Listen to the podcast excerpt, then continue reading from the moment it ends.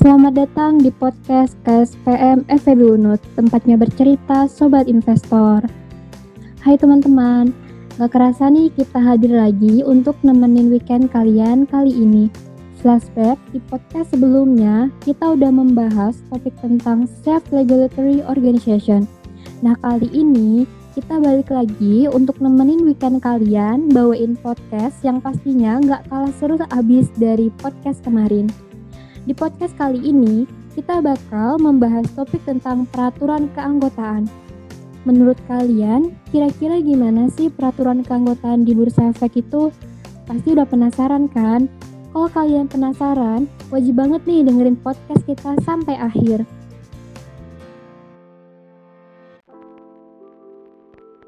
Oh iya, sebelumnya kenalin dulu aku Feby yang bakal nemenin podcast kalian kali ini.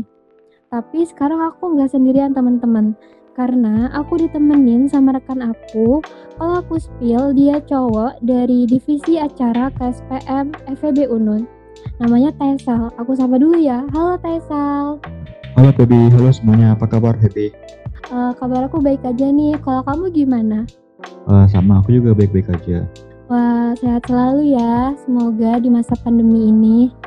Oh ya, kita langsung aja nih Tesal uh, kalau kita lihat-lihat lagi nih sekarang, kok kayaknya banyak banget ya perusahaan-perusahaan efek yang ada di Bursa Efek Indonesia itu. Emang buat ngelakuin perdagangan di Bursa Efek itu semudah itu ya Sal? Oke, jadi gini, uh, memang benar apa yang kamu bilang tadi bahwa banyak sekali tuh perusahaan-perusahaan efek yang sudah ada maupun sudah terdaftar di Bursa Efek Indonesia. Nah sebenarnya apa sih itu perusahaan efek? Jadi perusahaan efek itu adalah perantara perdagangan efek yang telah memperoleh izin usaha dari Badan Pengawas Pasar Modal dan Bursa Efek Indonesia itu sendiri sehingga mereka mempunyai hak untuk mempergunakan sistem maupun sarana Bursa Efek Indonesia sesuai dengan peraturan Bursa Efek Indonesia untuk melakukan transaksi di Bursa Efek Indonesia. Tapi ternyata untuk menjadi anggota bursa itu nggak segampang dan semudah yang kita pikirkan. Kenapa? Karena faktanya walaupun sudah banyak perusahaan efek yang melantai maupun listing di Bursa Efek Indonesia dan juga sudah mendapatkan izin dari Otoritas Jasa Keuangan, itu tidak serta-merta membuat perusahaan itu dapat langsung untuk melakukan perdagangan efek ataupun transaksi efek di Bursa Efek Indonesia. Melainkan mereka harus menjadi anggota bursa terlebih dahulu dan juga mereka harus menjadi anggota clearing di KPI, menjadi anggota partisipan di KSI dan juga untuk masalah proses perizinannya itu juga bisa dilakukan secara paralel atau dilakukan secara bersamaan. Oh gitu, jadi kayak udah ngelamar pacar aja ya ada izin-izinnya gitu? Ya kira-kira seperti itu Nah berarti jadi bisa aku simpulin nih kalau anggota bursa efek itu atau AB itu adalah perantara perdagangan efek atau pihak lain yang telah memperoleh izin usaha dari OJK dan mempunyai hak untuk mempergunakan sistem atau sarana bursa efek itu sesuai dengan peraturan bursa efek itu. Ya, benar banget. Yang kamu simpulin tadi itu juga sudah tertera jelas dan juga sudah diatur dalam Undang-Undang Nomor 8 Tahun 1995 tentang pasar modal. Dan ngomong-ngomong juga nih, kamu tahu nggak sih gimana prosedurnya menjadi anggota bursa? Boleh banget dong. Prosedurnya itu gimana ya? Jadi gini, perusahaan efek yang mau melamar menjadi anggota bursa itu pertama-tama harus menyampaikan permohonannya kepada bursa untuk menjadi anggota bursa. Nah, menyampaikannya ini itu harus dilengkapi dengan dokumen-dokumen pendukung dan juga persyaratan-persyaratan yang ditentukan oleh bursa. Setelah itu, bursa akan melakukan evaluasi dan memeriksa semua kelengkapan dokumen dan juga mempersiapkan segala operasional maupun untuk memeriksa operasional dari anggota bursa tersebut secara teknis apakah memang layak untuk beroperasional dan juga untuk berjalan seperti itu. Oh gitu. Terus untuk prosesnya itu berapa lama ya Sal? Nah biasanya proses ini tuh makan waktu maksimum itu selama 10 hari. Kalau semisal nih bursa sudah merasa bahwa perusahaan efek tersebut itu sudah eligible dalam tanda kutip itu sudah layak untuk beroperasional menjadi anggota bursa, maka setelah 10 hari itu bursa akan menerbitkan yang namanya SPAB, yaitu surat persetujuan anggota bursa. Jadi istilahnya seperti kayak lampu hijau itu surat apa namanya surat persetujuan lah bahwa anggota bursa tersebut layak untuk beroperasional. Tapi kalau misalkan nggak eligible itu gimana tuh ya? Nah, kalau semisal ada perusahaan efek yang melamar jadi anggota bursa tersebut itu tidak eligible, itu karena perusahaan efek ataupun calon anggota bursa yang melamar jadi anggota bursa tersebut itu tidak memenuhi persyaratan atau juga belum siap secara operasional dan teknis dalam menjadi anggota bursa. Maka dalam hal ini, bursa akan memberikan surat penolakan dan alasan-alasan penolakan calon anggota bursa tersebut. Nah, meskipun demikian, calon anggota bursa tetap bisa mengajukan kembali permohonan menjadi anggota bursa kepada bursa. Berarti masih bisa coba lagi ya ke depannya. Oh, oh iya, tadi kan kamu bilang kalau prosesnya ini bisa dilakuin secara paralel. Kalau dari yang aku tangkap nih ya, Paralel itu kan maksudnya selama proses permohonan menjadi anggota bursa, maka anggota bursa tersebut wajib mengajukan permohonan menjadi anggota clearing untuk mendapatkan layanan jasa clearing dan penjaminan penyelesaian transaksi di KPEI dan mengajukan permohonan menjadi partisipan di KCEI. Jadi kayak bisa barengan gitu nggak sih prosesnya? Iya kan ya? Ya, benar banget. 100 buat kamu, benar seperti yang kamu bilang bahwa uh, bagi perusahaan efek yang melamar menjadi anggota bursa itu bisa melakukan proses perizinan itu secara paralel atau bersamaan. Terus nih, kalau misalnya ada nggak sih kewajiban-kewajiban kita kalau misalkan kita udah jadi anggota bursa gitu? Nah, untuk kewajiban anggota bursa sendiri itu sudah ada dan juga sudah ditetapkan oleh bursa. Dan kamu mau tahu nggak sih apa aja kewajiban dari anggota bursa kepada bursa? Mau tahu banget dong, apa aja ya, Sal? Jadi sebenarnya kewajiban anggota bursa kepada bursa itu sendiri itu tujuannya untuk menciptakan perdagangan efek yang teratur, wajar, dan efisien. Dan dalam hal ini tuh bursa menetapkan beberapa kewajiban kepada anggota bursa baik berupa tindakan maupun berupa pelaporan. Nah, dalam hal ini tuh ada enam poin ataupun enam kewajiban yang diwajibkan kepada anggota bursa. Yang pertama adalah melakukan transaksi ataupun kegiatan perdagangan efek di bursa pada setiap hari bursa secara aktif sebagaimana layaknya suatu perusahaan efek pada umumnya. Kemudian, membayar biaya transaksi sebagaimana diatur dalam peraturan bursa terkait. Yang ketiga, melakukan pemantauan terhadap aktivitas perdagangan efek, baik untuk kepentingan nasabah maupun untuk kepentingan diri sendiri. Yang keempat, melaporkan yang segera kepada bursa apabila dari hasil pemantauan yang dilakukan terdapat indikasi adanya transaksi perdagangan efek yang tidak wajar ataupun tidak sesuai dengan peraturan bursa. Yang kelima, secara terus-menerus menjaga kondisi perusahaan agar tetap memenuhi persyaratan sebagai anggota bursa efek. Kemudian yang terakhir, yakni menyampaikan laporannya kepada bursa sesuai dengan peraturan bursa nomor 3 bagian D tentang pelaporan anggota bursa efek dan dealer partisipan. Kira-kira begitu kewajiban-kewajiban anggota bursa Feby. Oh, lumayan banyak juga ya mengenai kewajiban-kewajibannya. Nah, Anggota bursa ini juga wajib loh melapor ke bursa kalau semisal ada perubahan-perubahan e, seperti yang pertama ada perubahan daftar khusus, kemudian ada adanya hubungan afiliasi, kemudian juga ada perubahan jumlah karyawan dan juga e, perubahan-perubahan lain dalam jangka waktu lima hari di bursa. Begitu, Baby. Ya ampun, beneran banyak dong. Dan satu lagi nih, kalau misalkan apa tuh? Ada perubahan di anggaran dasar perusahaan, maka anggota bursa ini atau anggota bursa yang bersangkutan itu wajib menyampaikan laporannya loh ke bursa dan itu selambat-lambatnya harus dilakukan selama tujuh hari terhitung sejak diperolehnya bukti persetujuan atau bukti penerimaan pemberitahuan perubahan anggaran dasar. Begitu Feby. Oh iya nih, ngomong-ngomong soal kewajibannya, setahu aku bursa juga ngewajibin supaya tiap AB itu punya IT officer RT yang didaftarin di bursa. Itu tujuannya buat apa sih kok harus ada kayak begitu?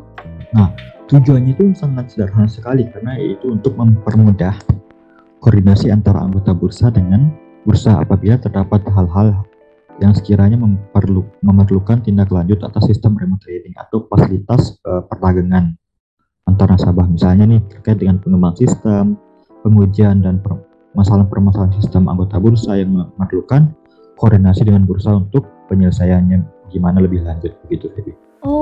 Oh, berarti IT Officer RT itu bertanggung jawab untuk menjaga kesiapan dan kelancaran operasional perangkat remote trading anggota bursa efek itu kan? Ya, benar banget. 100 buat kamu, Feby. Eh, tapi bentar-bentar. Tapi kan sekarang ini tuh lagi hype-hype-nya online system gitu di mana-mana. Terus misalkan kalau anggota bursanya itu mau pakai fasilitas online gitu itu gimana ya?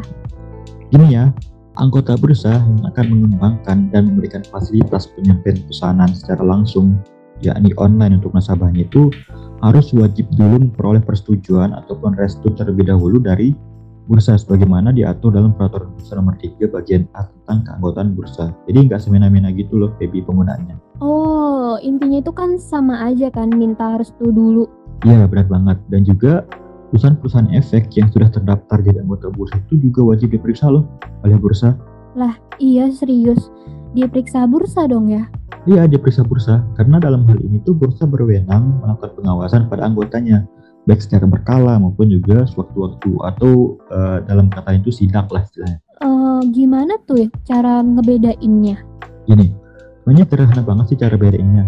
Kalau untuk yang secara berkala, itu tujuannya untuk memastikan kesesuaian pelaksanaan kegiatan anggota bursa efek dengan peraturan OJK dan peraturan di bursa. Nah, sedangkan pemeriksaan sewaktu-waktu itu dilakukan dengan tujuan yang pertama, untuk aktivasi anggota bursa efek yang mengalami suspensi atau penghentian peragangan sementara.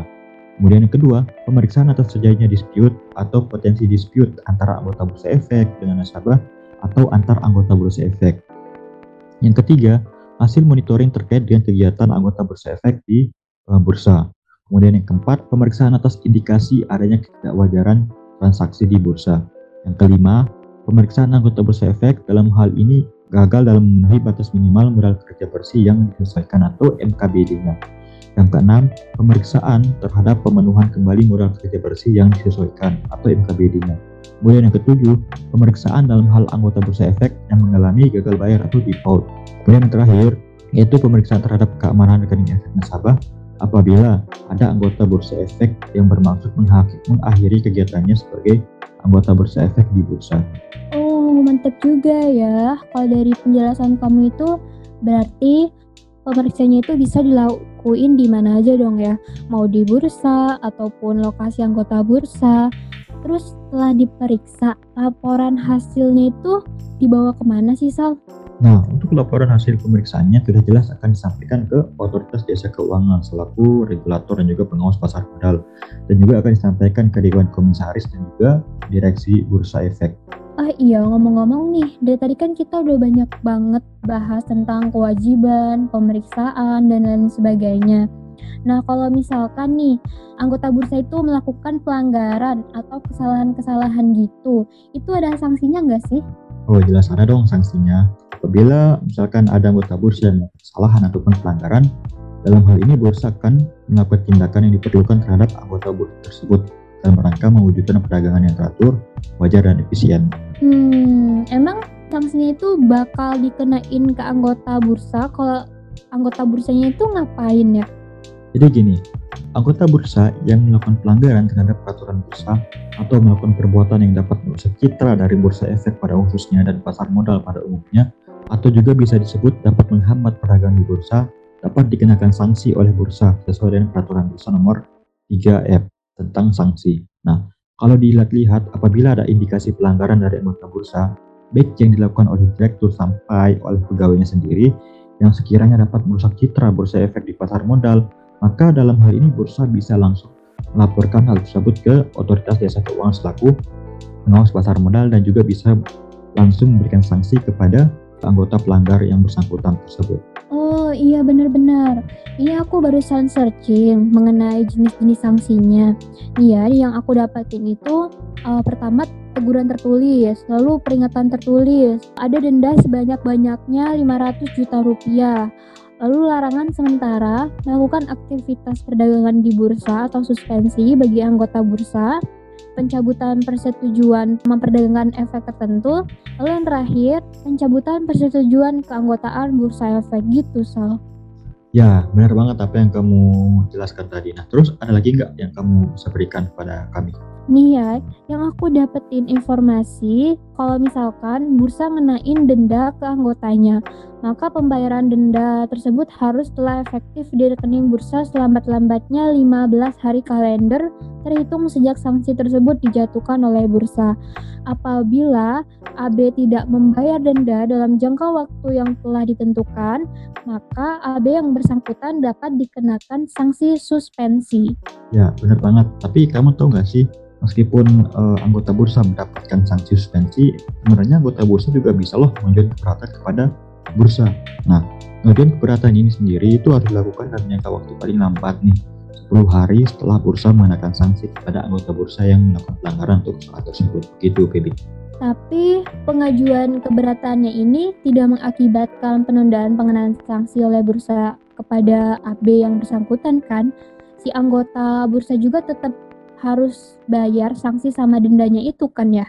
Ya, benar banget begitu. Terus gimana tuh tidak uh, tindak lanjut keberatannya di tangan bursa? Jadi ada beberapa kemungkinan tindak lanjut keberatan dan juga akan diambil oleh bursa. Pertama, apabila bursa menerima keberatan tersebut, maka bursa akan mengubah atau juga bisa mencabut sanksi yang dikenakan kepada anggota bursa efek yang bersangkutan. Kemudian yang kedua, apabila bursa menolak keberatan diajukan oleh anggota bursa efek tersebut, maka anggota bursa efek dapat mengajukan keberatan kepada otoritas jasa keuangan dengan menyampaikan tembusan kepada bursa. Kemudian yang ketiga, apabila dalam jangka waktu paling lambat selama 10 hari setelah bursa mengenakan sanksi kepada AB dan AB tidak mengajukan keberatan, maka dalam hal ini anggota bursa atau AB dianggap menerima pengenaan sanksi yang diberikan oleh bursa. Kemudian yang terakhir, apabila pengajuan keberatan kepada OJK itu dikabulkan, maka OJK dapat membatalkan atau juga bisa mengubah keputusan bursa. Begitu. Oh, I see. Jadi penjelasannya itu sangat mudah dipahami ya. Eh, anyway, tadi kan kamu sempat bilang tentang sanksi suspensi. Oke, jadi sanksi suspensi itu sendiri adalah salah satu sanksi yang diberikan kepada anggota bursa yang melakukan pelanggaran. Nah, sanksi suspensi itu adalah penghentian sementara aktivitas perdagangan suatu anggota bursa. Nah, jadi sanksi suspensi ini dapat digolongkan juga dalam sanksi yang lumayan berat kepada anggota bursa. Karena selain efeknya yang secara langsung terjadi baik kepada perusahaan tercatat maupun kepada investor dari perusahaan tersebut. Karena pada saat sanksi suspensi diperlakukan ataupun dijatuhkan kepada perusahaan tercatat hampir bahkan semua kegiatan-kegiatan dari perusahaan tercatat tersebut itu akan dihentikan sementara oleh bursa. Begitu Feby. Oh gitu. Berarti kayak penghentian kegiatan sementara gitulah ya Ya benar banget dan tahu nggak nih kalau sanksi ini dilakukan oleh bursa selambat-lambatnya satu hari setelah bursa mengetahui terjadinya kondisi yang menyebabkan suspensi dan berlaku sesuai dengan waktu yang telah ditetapkan oleh bursa itu sendiri. Dan e, untuk itu anggota bursa yang dikenakan ataupun yang mendapatkan sanksi suspensi dari e, bursa itu wajib dan harus memberitahu kepada nasabah-nasabahnya jika bursa melakukan suspensi dan menjatuhkan sanksi kepada anggota bursa yang bersangkutan. Begitu, Feby. Terus suspensinya itu bisa dicabut nggak dari AB-nya? Ya, seperti sanksi-sanksi yang lainnya, sanksi suspensi juga bisa dicabut. Tapi bursa juga harus memeriksa terlebih dahulu apakah anggota bursa yang bersangkutan itu sudah dipastikan uh, terbebas dari masalahnya atau bisa menyelesaikan masalahnya atau tidak. Kalau sudah berarti uh, bursa juga berhak melakukan pencabutan atas sanksi suspensi tersebut. Dan jika misalkan nih uh, anggota bursa yang melanggar atau yang bersangkutan tersebut itu masih tidak bisa menyelesaikan masalahnya, maka ya bisa dipastikan bahwa sanksi-sanksi lainnya itu akan menanti dari bursa begitu Feby. Nah, kalau misalkan nih ya, dalam kondisi terburuk nih, udah di ujung banget, terus bursa tersebut mencabut persetujuan keanggotaannya suatu anggotanya, itu bakal kayak kayak gimana ya? Ya, sederhana aja. Jadinya anggota bursa bersangkutan udah nggak boleh lagi pakai kata-kata anggota bursa efek Indonesia atau member of Indonesia Stock Exchange. Atau sederhana itu anggota bursa yang melanggar yang bersangkutan tersebut itu sudah tidak diperkenankan lagi untuk menjalankan, melakukan, ataupun mengoperasionalkan transaksinya di Bursa Efek Indonesia. Dengan kata lain sudah putus, sudah tidak diperkenankan lagi. Begitu, Feby. Waduh, serem juga ya. Ya, begitulah yang namanya konsekuensi untuk menjaga transaksi maupun perdagangan efek yang wajar, teratur maupun efisien di Bursa Efek. Keren ya penjelasannya. E, jadi gitu ya teman-teman, gambaran singkat mengenai peraturan keanggotaan bursa. Nah benar banget tuh kalau diingat-ingat dari awal itu kita udah banyak banget kan ngomong tentang keanggotaan bursa, kemudian juga cara melamar jadi anggota bursa dan sebagainya. Mudah-mudahan di podcast kali ini teman-teman yang mendengarkan itu bisa belajar banyak ya tentang peraturan keanggotaan di bursa gitu Happy ya. Uh, iya nih, uh, kalau gitu mungkin kita bahas sampai sini dulu aja kali ya. Oh iya, jangan lupa juga terus pantengin podcast KSPM FVB Unut yang bakal terus ngasih informasi tentang investasi di pasar modal. Siapa tahu bisa bantu kalian tentang persoalan investasi. Untuk teman-teman yang sekiranya misalkan mau membuka rekening efek terlebih dahulu atau misalkan berinvestasi dan juga nggak tahu gimana cara untuk memulainya, pertama-tama teman-teman harus buka rekening efek terlebih dahulu. Dan juga kami di KSPM FEB Unut itu sudah memfasilitasi pembukaan rekening efek. Dan juga teman-teman yang mau membuka rekening efek itu bisa datang langsung ke kampus Jerman setiap hari Jumat atau semisal kalau teman-teman punya pertanyaan yang berkaitan tentang pasar modal dan teman-teman bingung gimana cara memulai di pasar modal, kalian bisa chat kami atau DM kami di Instagram @kspmfebunut.